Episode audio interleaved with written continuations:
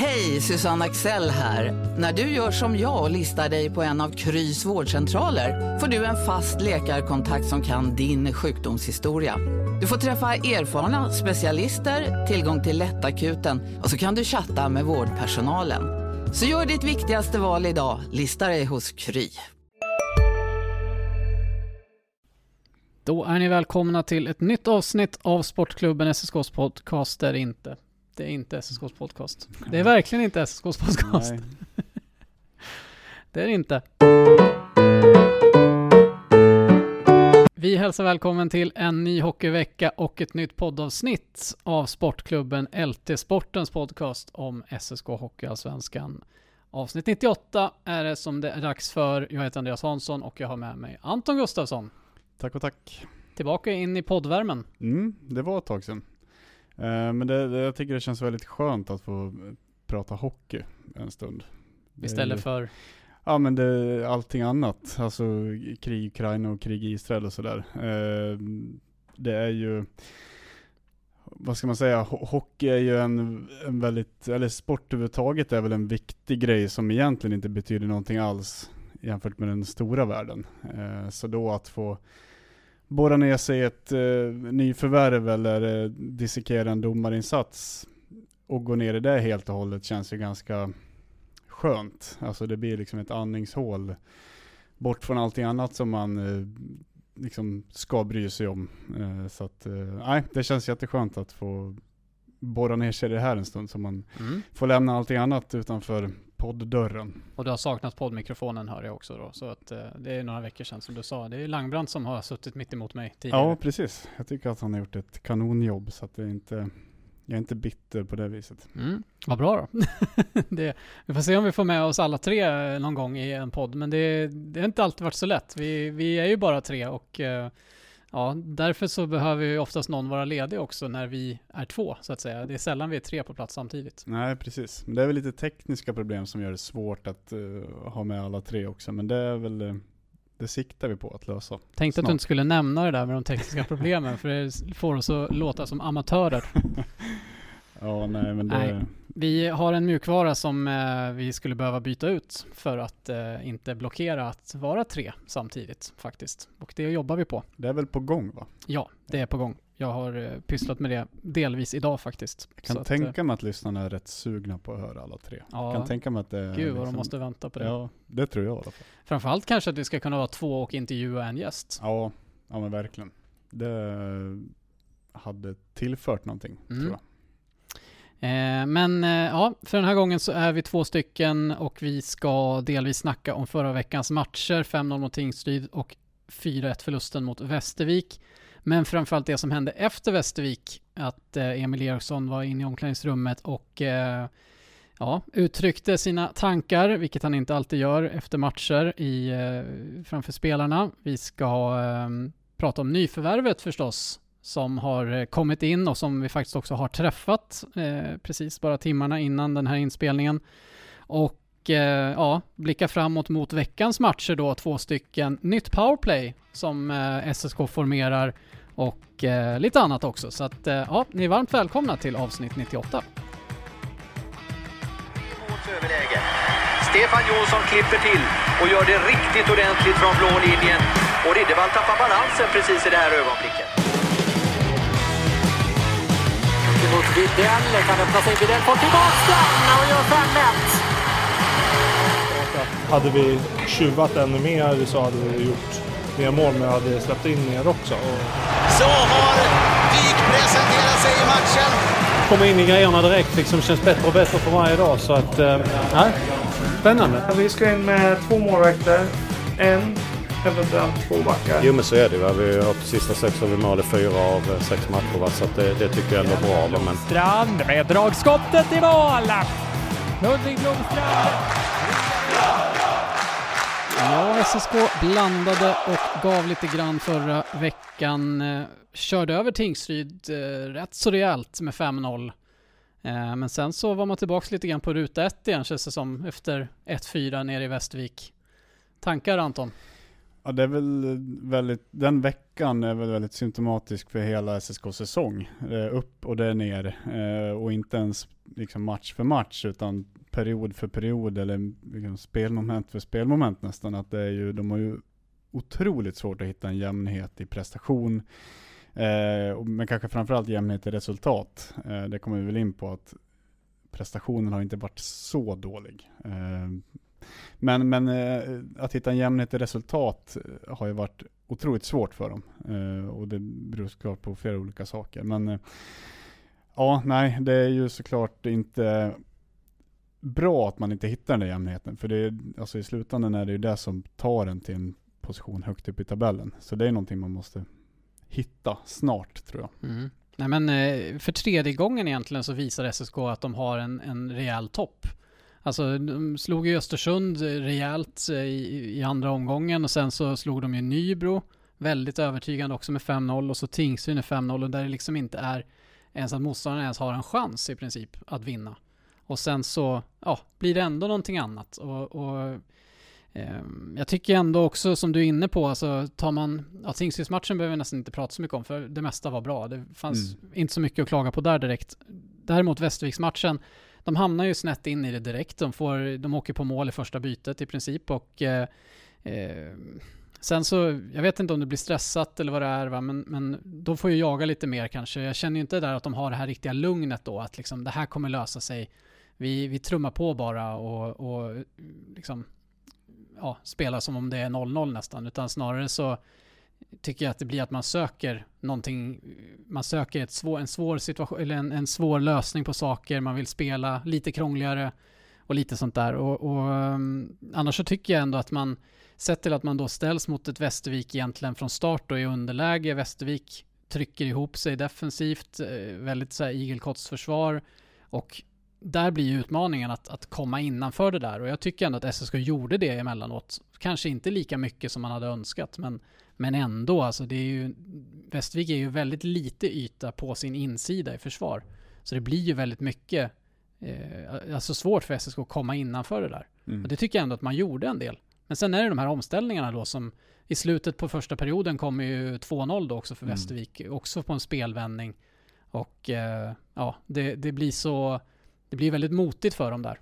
Ja, men det, det, känns som att man saknar någon typ av stabilitet. Eh, om vi ska dra tillbaka till derbyt i, på Hovet. Eh, så fort man får lite motgång så liksom tappar man koncepten helt. Även fast man leder liksom den matchen inför tredje perioden med 3-1 så man får en lite sämre start i tredje perioden och då bara faller allting ihop. Och det var lika, lite lika mot Västervik också. När man får en sån dålig start så man hämtar sig inte från det. Och det är ju någonting som de pratade mycket om förra säsongen, att det spelade ingen roll om man gjorde ett misstag så att man tappade 0-1 tidigt, utan man kände att det spelar ingen roll, för vi kommer vinna den här matchen ändå. Och, och den tryggheten tycker inte jag den finns ju inte. Den har de inte jobbat till sig riktigt nej. än, nej. nej. Och, och, då byggde man ju den på ett väldigt stabilt eh, spel i egen zon och, och, defensiven och hela den biten som vi pratade så mycket om förra säsongen. Men det, det finns ju inte där i år. Och då måste man hitta det. Även, det behöver inte vara defensiven. Det kan ju vara att man tycker att man är så skicklig framåt så att man löser det. Men man måste hitta den här stabilitet, grundtryggheten någonstans. Och det måste man nog skynda på lite med så att eh, ja, det här inte går långt, för långt. Så. Mm. Nej, och, och, är skillnaden då egentligen att, att eh, förväntningarna och kraven är något högre? Inte jättemycket högre trots allt, men ändå, ändå högre. Och att det blir en, en, eh, en stressidé då att, att ah, nu är vi på väg mot förlust igen här och, och ja, man vet vad det kommer innebära. Och man själva har naturligtvis krav på sig själv också att, att vinna matcherna för att ligga där uppe där man förväntas vara. Är det en stress så över det? Ja, det är inte alls omöjligt. Um det kommer väl ingen säga kanske till oss så. Men det, nej, det är inte alls nej. omöjligt att, att den pressen kommer till dem. För att annars tänker man ju att de har haft några sådana här prestationer som vi är inne på som borde vara så säsongsdanande. Alltså när man kör över Nybro och kör över till, alltså sådana prestationer borde ju skapa den tryggheten. Men uppenbarligen så, ja, så räcker det inte det. Mm. Så det kan ju absolut vara så att det finns en, ja, att den pressen kommer till dem i de situationerna. Så att, mm. Nej, för det är inga, alltså, Visst, man kan säga ja, de har slagit Östersund och Nybro och Tingsryd, men, men Östersund, Nybro och Tingsryd har sedan slagit andra lag som förväntas ligga i toppen. Djurgården, Tingsryd slog Mora bara häromdagen. Mm. Eh, Nybro ligger ju i toppen redan och har tagit mycket mer poäng än vad man hade förväntat sig. Så det är inga skitsegrar så egentligen som man behöver tycka att det inte är värt så mycket. Nej. Och därför, som du säger, tryggheten borde ändå finnas där på ett annat sätt. Och, men det blir ju en, ja det blir ju som stress och lite panik nästan, alltså i, i de lägena. Mot Västerås till exempel då när man tappar matchen och mot Djurgården när man tappar matchen efter att ha spelat väldigt bra. Mm. Och där kan man ju också undra liksom, vad gör man internt när de situationerna uppstår? När man märker att nu håller matchen på att rinna iväg här för oss. Nu håller vi på att tappa greppet. Vad gör man då? Mm. Det undrar jag lite grann. Det tycker jag är svårt att, att på något sätt eh, bryta ner och, och, och analysera. Alltså man skulle vilja veta och kunna vara närmare och se vad görs i båset så att säga. men För det tas ju ingen timeout i alla fall, så mycket har vi ju sett. Nej, men vem kliver in och, alltså vem förväntas kliva in och ta, liksom, säga ifrån då, eller vad man ska kalla det. Är det Liljevall som kapten? Är det Videll som stora stjärnan? Eller är det, ja, vem, eller, eller är det Bogren och Zachrisson som förväntas göra det? Ja, den roll, liksom, tydligheten av rollerna ser inte jag. Sen kan den vara supertydlig i gruppen. Så kan det ju vara. Men jag ser inte vem det är som då liksom smäller näven i bordet och säger att nu liksom fångar vi upp det här. Mm. Eh, Nej, det, det är möjligt att det, det inte finns en som sticker ut eh, bland de andra. Alltså egentligen har de ju alltså flera spelare som borde kunna vara den som, som, som slår näven i bordet och som säger ifrån. Alltså det finns ju uppsjö av rutinerade spelare som också har ledaregenskaper och som borde ha varit i den här situationen hundratals gånger nästan. Alltså, mm. så, så på så sätt så, men jag vet inte, sitter de och väntar på varandra på något sätt eller, eller är det, jag vet inte, det är jättesvårt att veta och ja, det är väl lite det där alltså, som man undrar över. Alltså, nu är det en helt annan match mot Västervik, där hamnar man tidigt i underläge Mm. istället, man håller ju inte på att tappa någonting, men ja, det blir nästan stressen då från start istället, att nu håller Mm. vi på att torska här direkt. Ja, ja.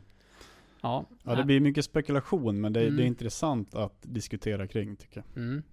Ehm, och eh, ja, även om de då spelade rätt okej och ja, återigen då, all sån här underliggande statistik pekade ändå i positiv riktning här mot Västervik och, och det gör den ju fortfarande generellt sett, även om det mest väsentliga är ju trots allt att de bara har tagit 11 poäng på nio matcher och eh, ligger där nere i en del av tabellen som de inte vill vara.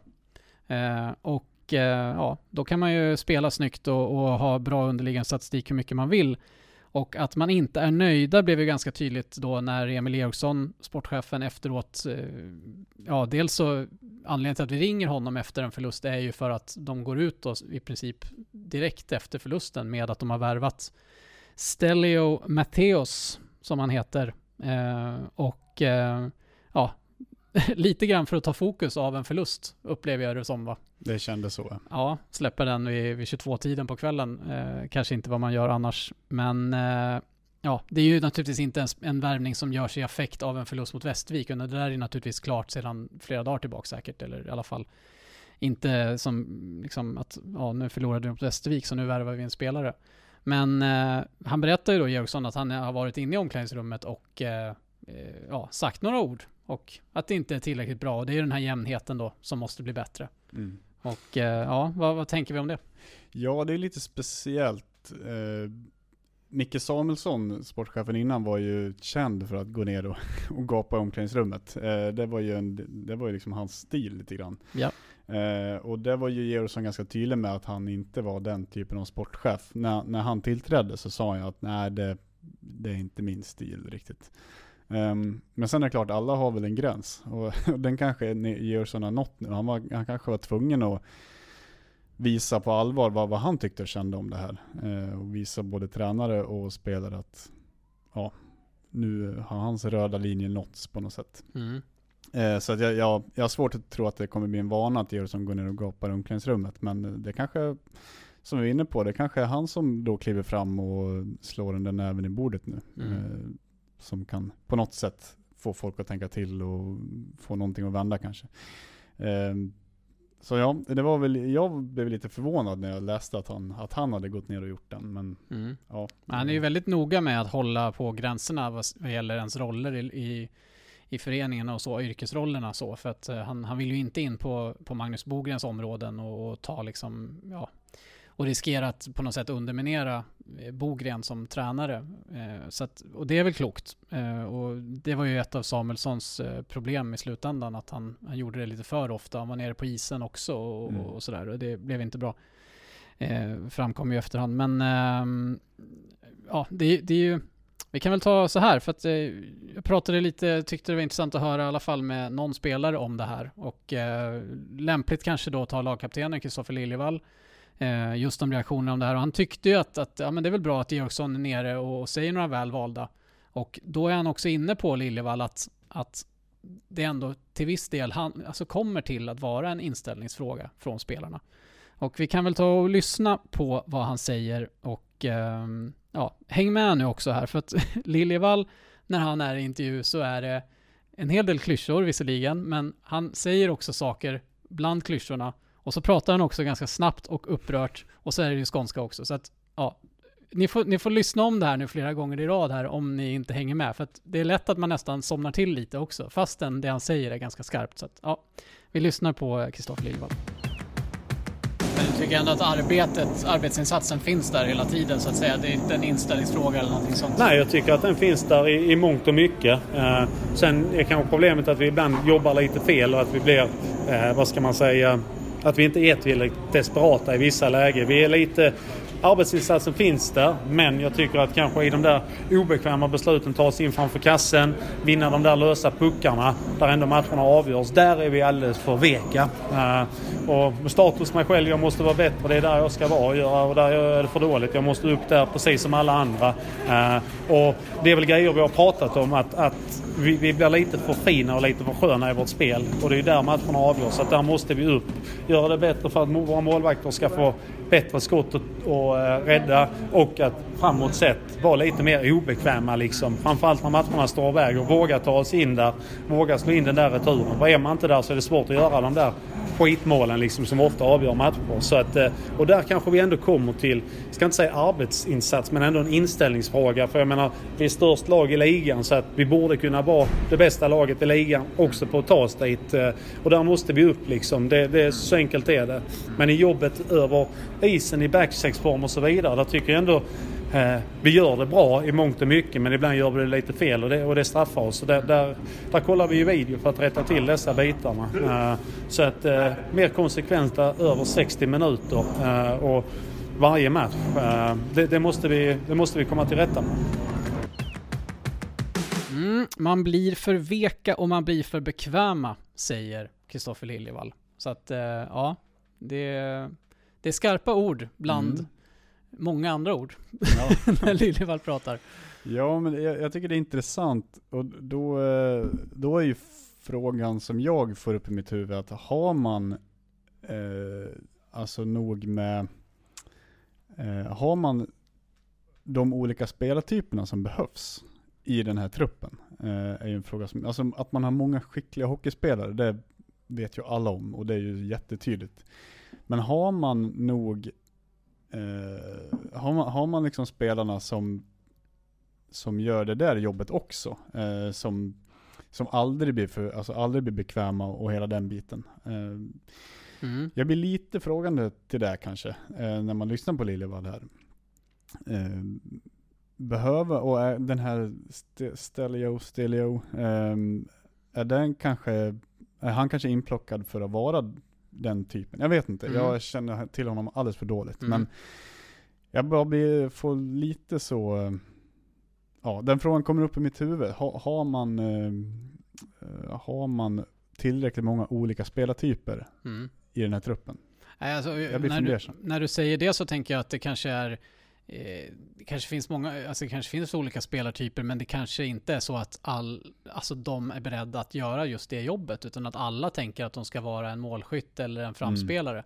Att det inte är någon som är den som brunkar och eh, grisar sig fram liksom till, eh, eller grisar fram de andra snarare. Mm. Eh, den kanske inte riktigt finns där. Eh, samtidigt så, alltså Liljevall är ju en av dem som kanske är lite grisig och, och ska väl vara den, ha den rollen i den kedjan. Samtidigt så ehm, där tycker jag ju, och han, han säger det själv eh, också, att han själv behöver ju steppa upp. Liksom. Han vill ju vara den som går före de andra då på det sättet. Liksom. Han är ju noga med att också peka på sig själv och inte Mm. bara på de andra.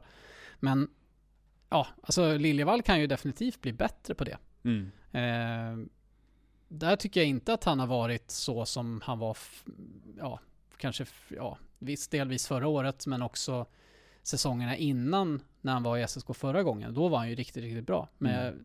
det är ju som att åldern kanske börjar, eller åren börjar gå nu lite grann på Liljevall. Eh, och inget ont om Liljevall så, men det är, ja, det är nog, det är nog på gränsen nu, tror jag. Att han, att han klarar att spela på den här nivån.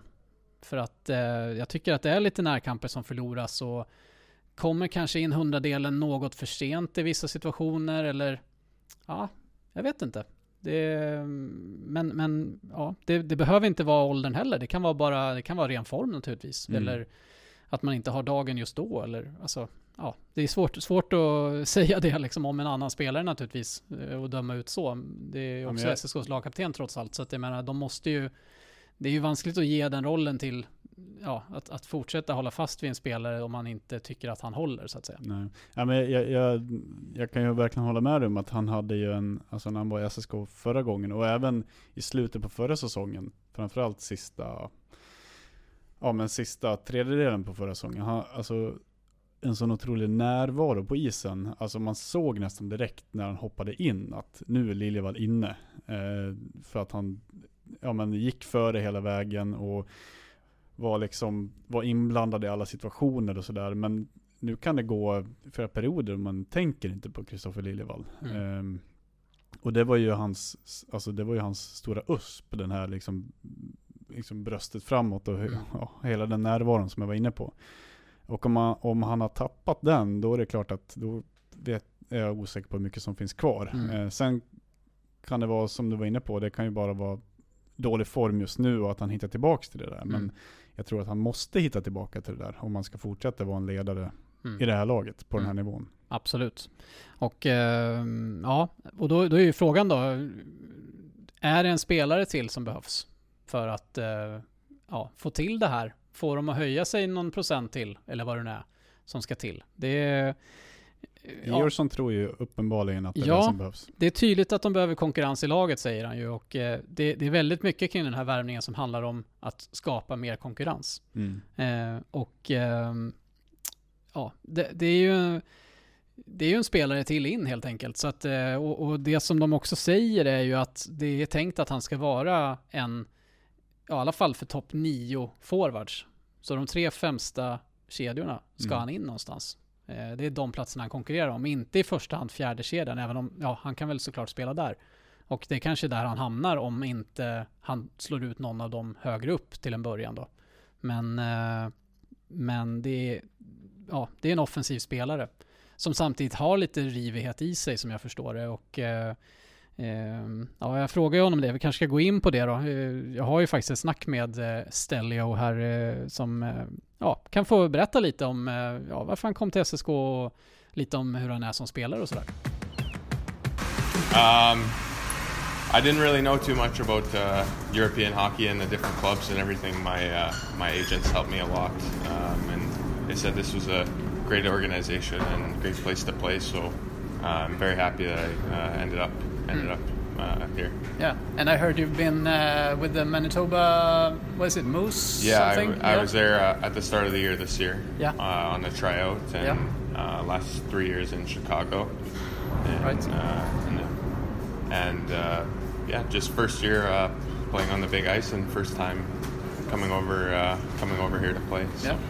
But you you you've been doing like a preseason with Yeah. with them. Yeah, yeah, I did. Uh, I did the training camp there. Yeah. Now I had uh, a couple of weeks of not really too much, so now I uh, looking forward to kind of getting back into it, getting ready to, to play. Yeah, of course. And, and I heard it's going to be a process with the migration, with the papers and Yeah, everything. So yeah. you're not be able, not going to be able to play right away. But Yeah, the Yeah. sooner the better, Yeah, of of course. course. But uh, I guess I just have to be patient with that. yeah. And and what are your expectations? Would you say when you're coming here? Um, I just uh, I heard we have a really really good team on paper, and it's been a bit of a slow start. So I hope I can help with that and uh, and just uh, be uh, a very competitive player for the team and and uh, just boost the team up and uh, you know just do what I can in that way. Yeah. And would you consider consider yourself more like a center, or are you more like on the wing, Um, or I, I grew up playing center. Yeah. And then uh, in pro we had a lot of in the American Hockey League we had a lot of a lot of centermen. So then I played a bit more wing there. So I'm very comfortable uh, playing both. yeah? And then when you're like searching on you on, on YouTube and stuff like that, all, all you can find basically is like hockey fights. Oh yeah. Is are you that kind of a player, or, or are you more Uh, like is it is it more skill skill player? Would you say? I think uh, part of coming over to play in Europe, I want to uh, you know get back to playing more offensively and more skilled, and and uh, I think I think the big ice will be exciting to play on uh, more of a possession game, and Yeah. and um, I've been more of a, a skilled kind of game, so Good. I'm excited. Uh, I wasn't really given that chance in the American Hockey League as much, so I'm hoping to get more of an opportunity to do that here. yeah. Yeah. Don't drop your gloves here because you're gonna be suspended. Yeah, that's what I heard. yeah. Good. Yeah. Good. They've told you. Yeah. Mm, don't drop your gloves sa jag åt han. Men det hade han koll på redan. Att eh, du blir avstängd om du slåss här. I alla fall, ja, du ska inte kasta handskarna. Och men det hade han ju hört.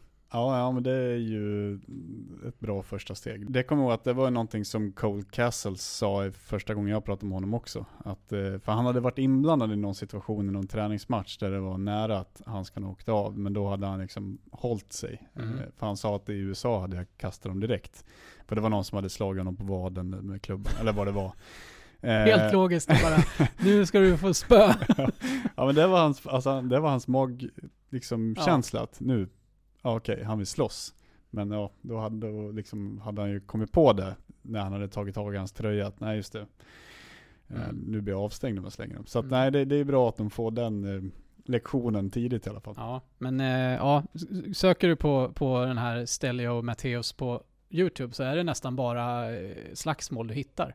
Och någon, enst- något enstaka mål sådär, men, men eh, ja, har han den sidan i sig också, alltså att vara lite grisig, så tror jag nog att SSK gärna tar det.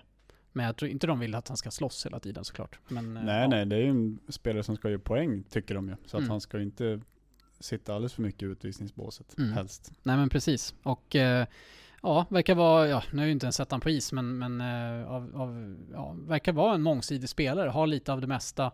Och eh, ja, senast man hörde något om i den riktningen så var det väl Patrick Newell kanske som också var bra på det mesta. Men, men eh, ja, man får väl se, man får ju ge honom en chans naturligtvis. Eh, och ehm, eh, i alla fall så går han in och konkurrerar där. Och eh, ja, vi får väl se. Det, jag vet inte om det är det som behövs så, men, men eh, vi kan ju faktiskt också ta, ta in snacket som jag har med Magnus Bogren från träningen också här idag. Eh, just apropå det här med vart han ska in och just om konkurrensen, eller ja, hur mycket det nu handlar om konkurrensen. Hur tror du att det kan påverka laget då? Alltså att, att det, ja, för det, det är ju tydligt att det är just för konkurrensens skull som Nej, det, det, gör det här. det är ju inte Eller? bara för Nej. konkurrensens skull utan det är ju som jag sa, vi, vi har ju känt att vi behöver in en spelare till framförallt nu när Vi är specialister på det vi gör, precis som du. Därför försäkrar vi på Swedea bara småföretag, som ditt. För oss är små företag alltid större än stora och vår företagsförsäkring anpassar sig helt efter firmans förutsättningar. Gå in på swedea.se företag och jämför själv.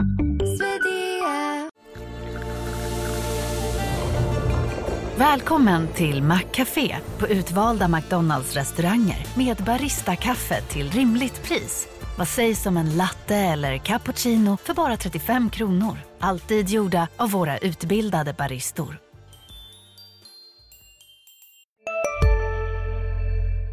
Det försvann också, så det är, det är inte bara där. Sen är det ju också givetvis att ha bredd, ha konkurrens.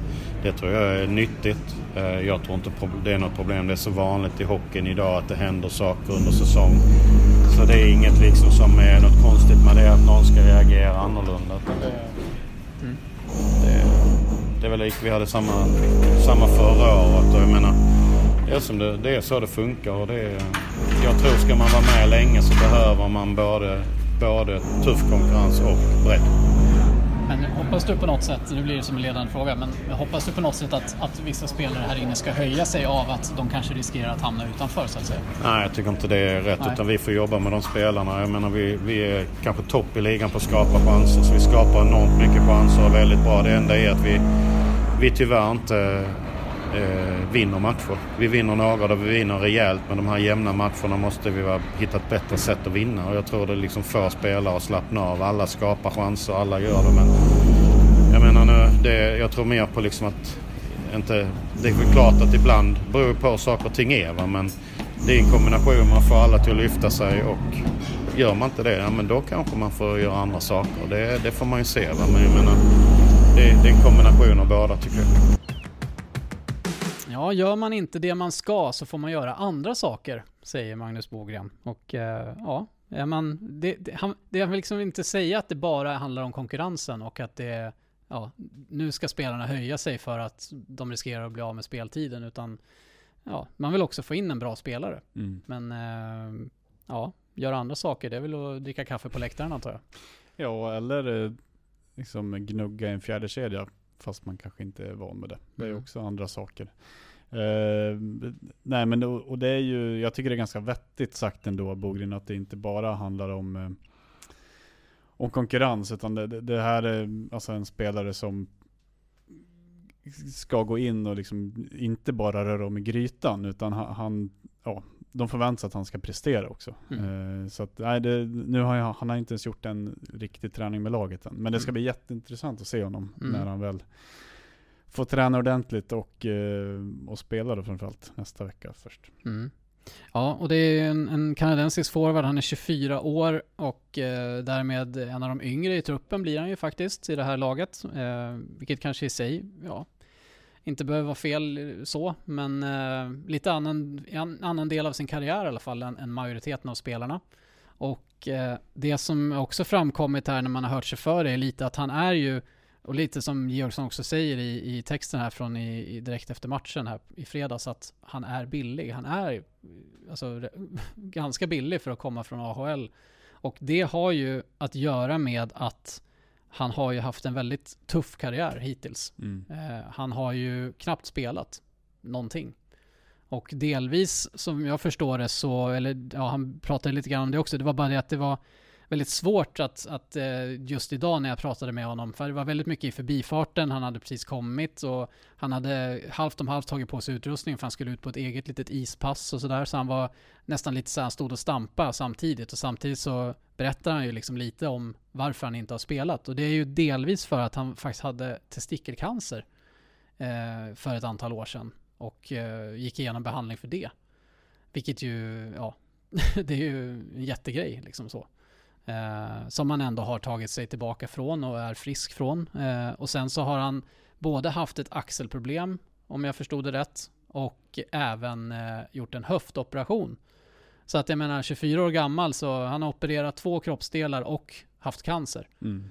Eh, och ja, då kan man ju undra liksom, vad ska ens SSK värva honom för då? Om det är liksom en spelare som knappt har spelat på grund av alla de här grejerna. Och ja, samtidigt så säger han ju, ja men jag känner mig bättre än, än någonsin och bla bla bla. Mm. Ja, som han naturligtvis ska säga. Ja, jo. Men eh, ja, det, just därför så är det ju också en väldigt billig spelare mm. som har ändå hållits relativt högt. Alltså han var med på eh, Winnipegs farmalags camp nu. Eh, fick inte plats där, men tittar man tillbaka så ser man ju också att han genom hela sin karriär, han ju aldrig i princip blivit skickad till ECHL. Nej. Utan ändå bedömts vara bra nog för att vara kvar i, ja, i, i AHL helt enkelt, farmarlaget under NHL. Ja, och det säger ju ändå en hel del. Det gör ju det lite i alla fall. Eh, och sen har jag haft en annan roll, han har ju liksom varit, haft en ganska defensiva arbetsuppgifter. Ja. Men ändå att han i princip aldrig har skickats ner det måste ju säga någonting om att det är en bra hockeyspelare. Mm. Eh, för AHL är ju en väldigt bra liga. Eh, så att även om han har haft alla de här jättestora problemen så har han uppenbarligen varit omtyckt av tränarna där borta. Mm. Eh, och det tycker jag är en fingervisning. Sen ska han få ut det i Hockeyallsvenskan i ett nytt land och ja, mycket, det är många män liksom. Men ja, jag, tycker det talar för att det är en, en bra spelare man får hit. Sen ska man få ut det Mm. ur honom också. Mm. Nej, men som jag förstår det så har ju eh, han, han tillhör en, en agentfirma som heter Newport som är otroligt stora, som har massor av stora NHL-stjärnor och, och även i andra sporter. Eh, och de har i princip letat efter ett ställe där han kan liksom få en studsrätt i sin karriär. Men, men det är för övrigt också en grej att han är signad av en sån agentfirma. De tar inte in vad som helst heller. Nej. Så att eh, bara det egentligen, alltså att de lägger de resurserna på honom eh, säger ändå faktiskt någonting. Men sen, ja, det, de, de vill ju få fart på hans karriär och tror på att det är värt jobbet att, att försöka få fart på den. Och hade han varit en poängspelare på AHL-nivå, då hade han inte kommit hit. Nej, nej, så- överhuvudtaget. Så att eh, det är lite chansning eh, från, ja, från hans sida också och det är lite chansning för SSK som vad jag förstår då så är det en relativt billig chansning och, och agentfirman ser det som ett bra lag att, att hamna i där det inte är så mycket konkurrens om speltiden så. Det är relativt liten trupp och eh, ja, förväntat bra lag. Och det var ju lite det han berättade också att det är det han har hört liksom, om att vart han Mm. kommer någonstans. Och, och det här med åldersstrukturen är också intressant tycker jag. Eh, SSK har ett väldigt gammalt lag så. är det allsvenskans högsta Det medelålder? absolut. Ja. Eh, och, och att det har vi pratat om lite på redaktionen med varandra om att det, det saknas lite ung entusiasm kanske.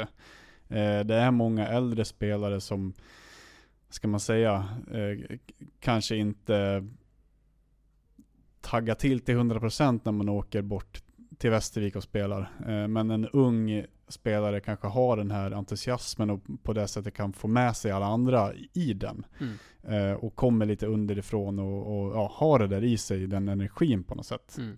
Så det kan nog också vara en, en bra boost för resten av, av truppen kanske. Mm. Ja, alltså potentiellt så skulle Stelio kunna vara den spelaren i truppen som har allra mest personligen att spela för Mm. i det här läget nu. För att han, ja, han behöver ju verkligen en hel säsong och en bra säsong för att kunna studsa vidare.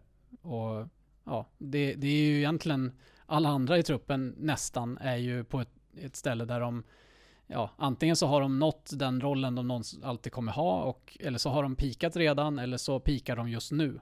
Och eh, ja, naturligtvis väldigt mycket att spela för i sig. Det är väl det de, de brinner för överhuvudtaget. såklart. men, men just Stelio lägger in ganska mycket av sitt eget, liksom, han satsar ju personligen på den här säsongen och på sig själv. Ja, han, han har inte råd att åka till, ja nu tar vi Västervik som exempel, men han har inte råd att åka dit och åka på en skridsko eh, för att eh, han får en ny chans nästa gång. Så, utan han, han måste verkligen prestera hela tiden och, och Mm. bara den inställningen kan nog göra, han kan nog få med, fler med sig i det, kan jag tänka mig. Mm. Ja, ehm, så det blir spännande. Han ska ju inte spela nu då mot eh, Karlskoga och antagligen inte mot AIK på fredag heller för att det är ju den här eh, pappersexercisen som ska eh, ja, ta sig igenom. Så man hoppas väl på nästa onsdag då. Ehm, och att det, ja, då har de ju tre matcher den veckan. Så att ja, det är då det de hoppas på i alla fall. Mm. Så eh, får vi se. Men vi får ju se honom i träning innan dess såklart. Mm. Så det, det ser vi ju fram emot. Ja, absolut. Men det är intressant också, nå- någon, eh, någon kommer ju få flytta på sig. Och det är ju, som alltid i det här, är det väldigt spännande att spekulera i. Har, har du någon tanke där vem det är som Mm. ja, hänger löst eller vad man ska kalla det? Ja, nej men, eh, ja, alltså jag var ju inne lite på Liljevall, trots allt. Eh, jag vet inte om tränarna delar min åsikt där. Eh, men eh, alltså Liljevall får ju fortfarande speltid i powerplay till exempel och, och väl, han får väl relativt mycket speltid också i 5 mot 5 och Mm. sådär. Ingenting som har dippat så.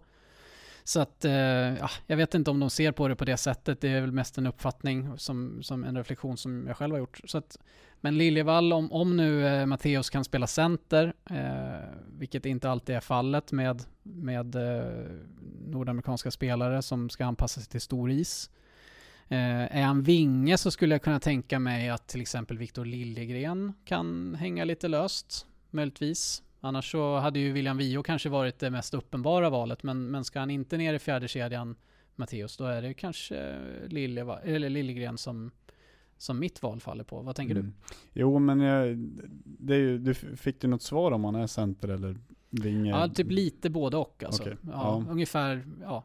Han, han klarar båda. Han, Mm. han har spelat mest som center tidigare. Eh, sen så har han varit ytterforward i AHL, men sen har han fått spela center när de har haft skador. Okej, och ja. därför så är han ju, eh, ja, han klarar båda, vill han Mm. påstå. Ja. ja, men då Liljegren känns det som det tydligaste Mm. valet så. För, för det är ju en spelare som jag inte tycker jag ser inte om man, skulle, om man bara skulle peta ner Liljegren till fjärde kedjan och Vio då utanför. Jag vet inte, är Liljegren den typen av spelare som kan göra det jobbet? Eh, jag vet inte, jag är väl lite tveksam till att han har, att han har det spelet i sig.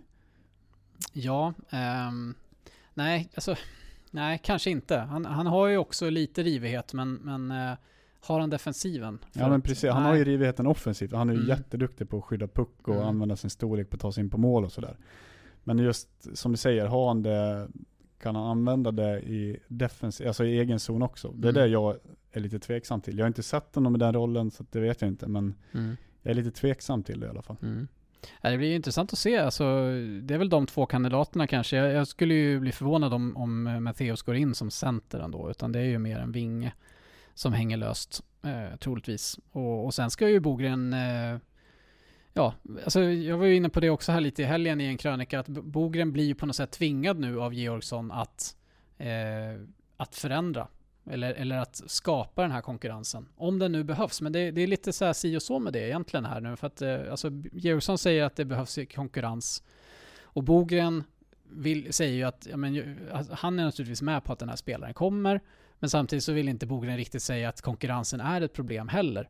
Så att, och jag försökte liksom så här, men, för jag, jag reagerar ju lite på att okej, man behöver mer konkurrens, men samtidigt så har du Egor Polin till exempel, på Mm. ett, som har ett tvåårskontrakt. Man har Olle Hilmersson som är utlånad till Hockeyettan. Och visst, de spelarna kanske man inte ser går in och förändrar någonting så, men det är ändå spelare som går att använda om nu det är konkurrensen man vill åt. Alltså då, då får du ta in Polin en kväll i, i line-upen och så bänka den någon. Mm. Alltså, det är inte svårare än så egentligen. Det är ju betydligt enklare och billigare än att ta in en ny spelare Mm. som nu ska sitta i tio dagar och vänta på, på arbetstillstånd.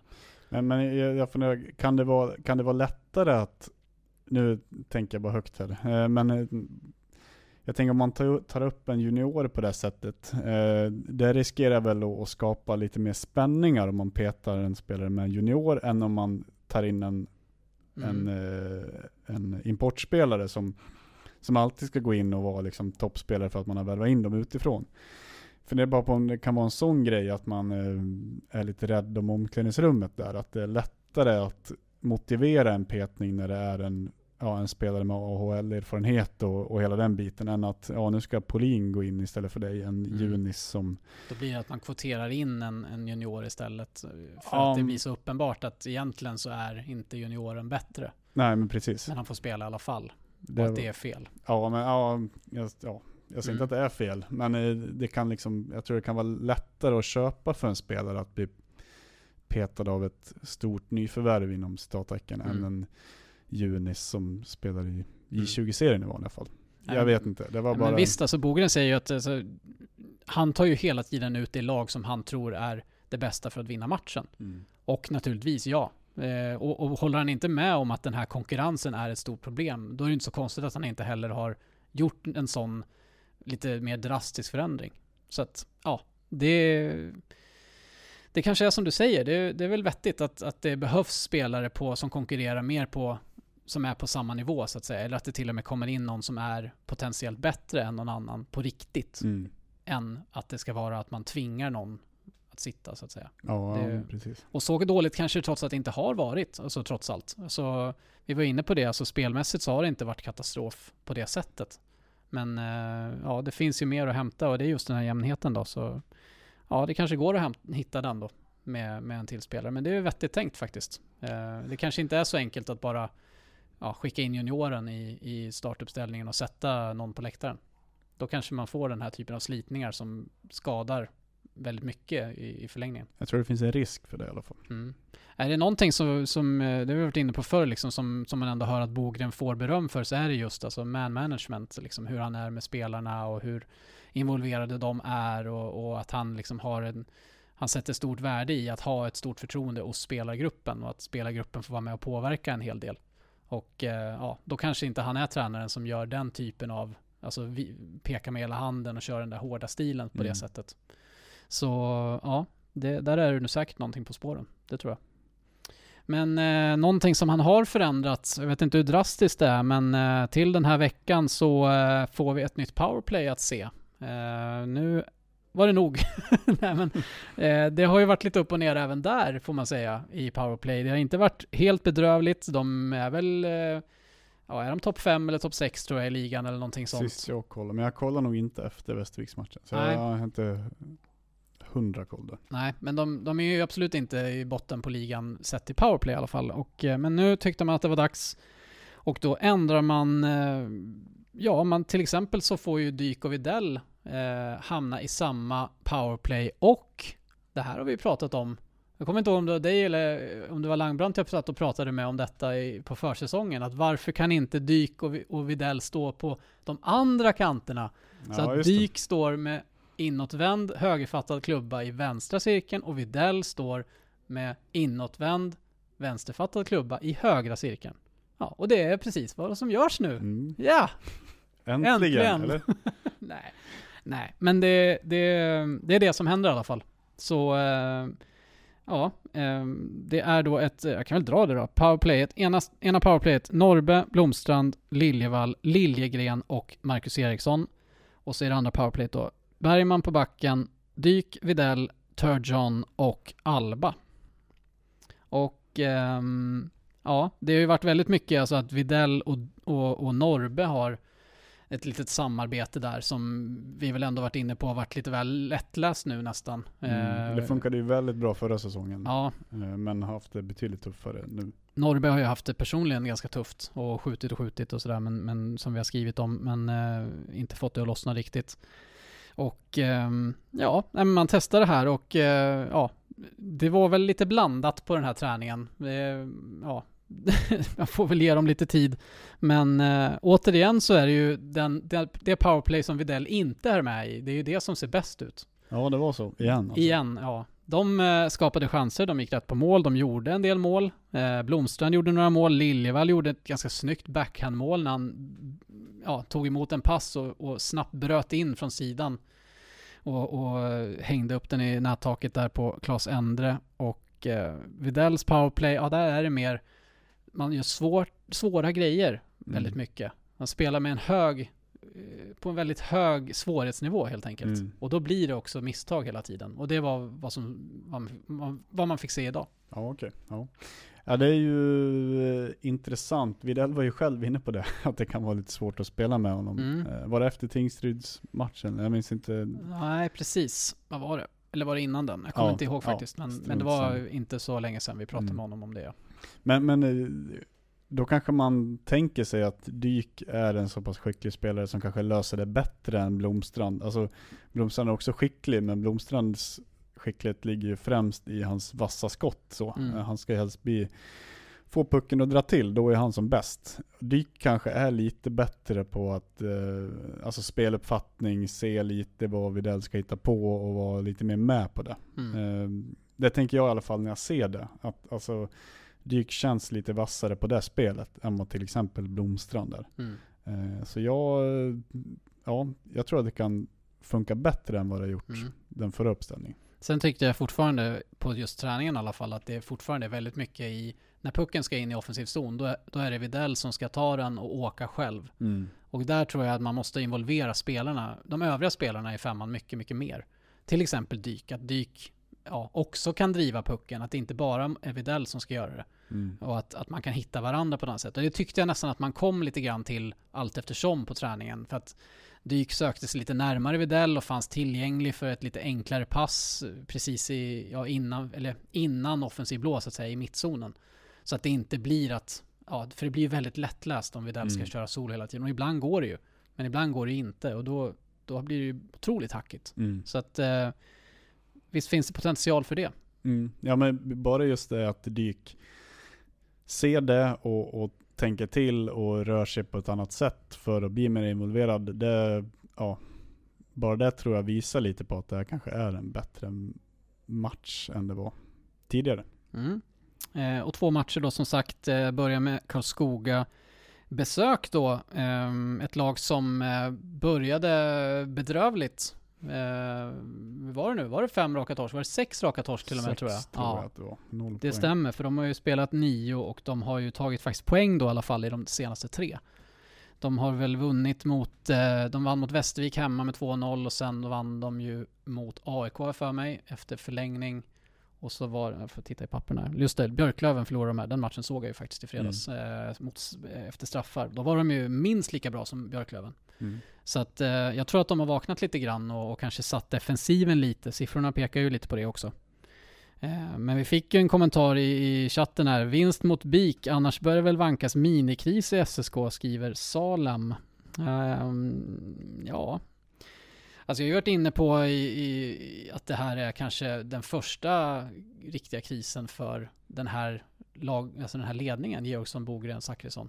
Ja, så minikris eh, tycker jag att man kan använda redan innan Mm. BIK-matchen faktiskt. Mm.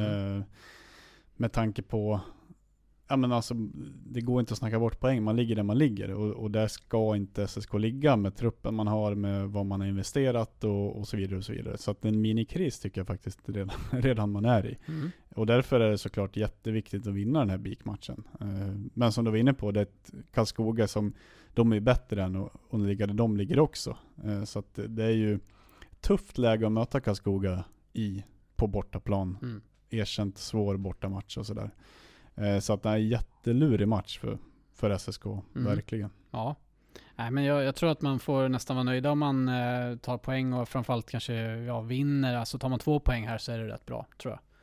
Men eh, jag tyckte nästan att Björklöven inte gnetade sig till eh, de två poängen där i den matchen. Men, men enkelt var det absolut inte på något sätt. Så att, eh, Karlskoga ska man nog inte skratta bort bara för att de ligger sist i tabellen fortfarande. Nej, nej, absolut inte.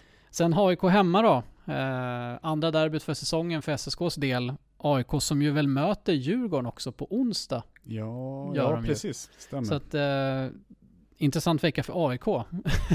Får väl en rejäl urladdning där mot Djurgården antagligen. Och så eh, ja, kör man SSK då på två dagar senare. Ett AIK som också är väldigt skadedrabbat, har lånat in spelare, tog in Emil Wahlberg från Modo och eh, ja, värvat Magnus Eisenmenger som var en liten sväng i Almtuna i fjol, gjorde absolut inget intryck överhuvudtaget där, men spelat i tyska ligan tidigare och lite sådär.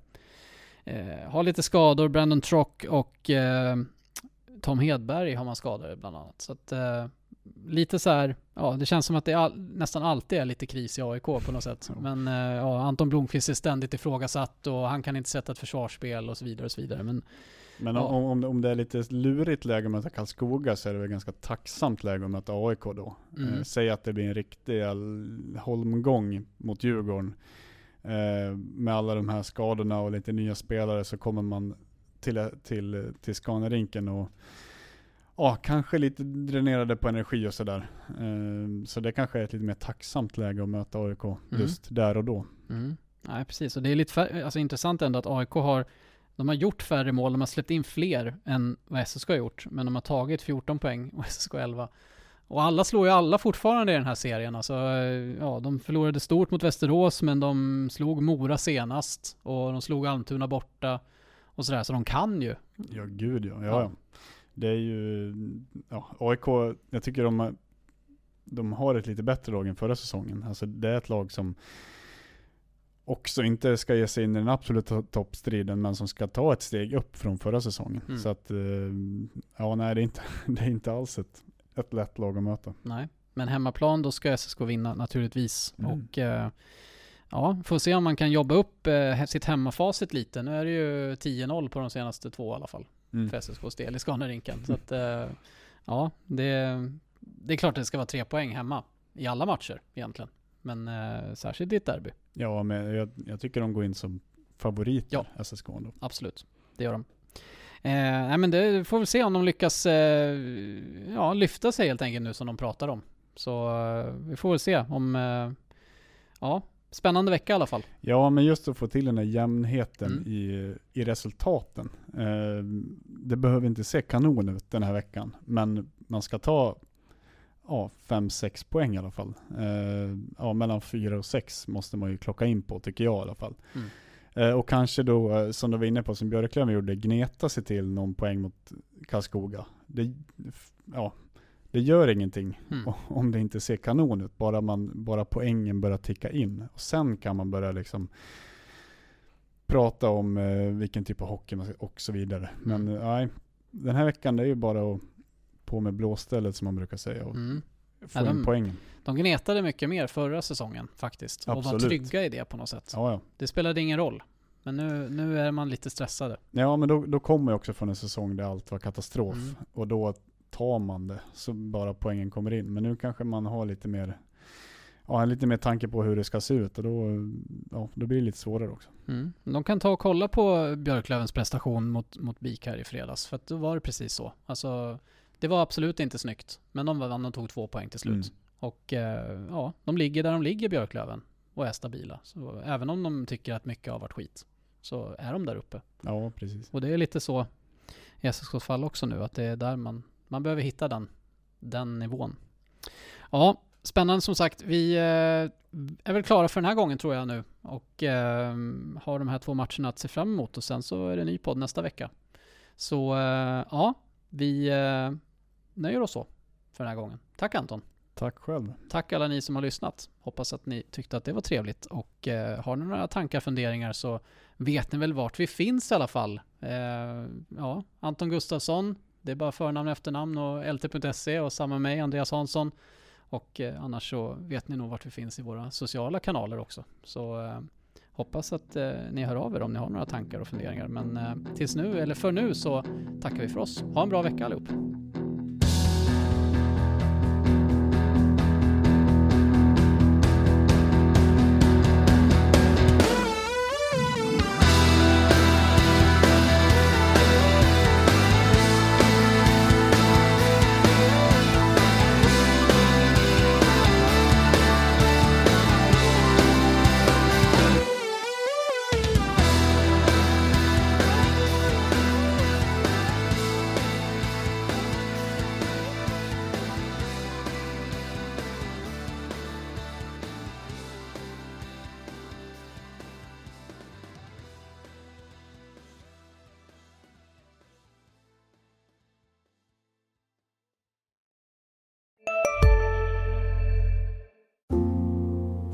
Ska några små tassar flytta in hos dig. Hos Trygg Hansa får din valp eller kattunge 25% rabatt på försäkringen första året.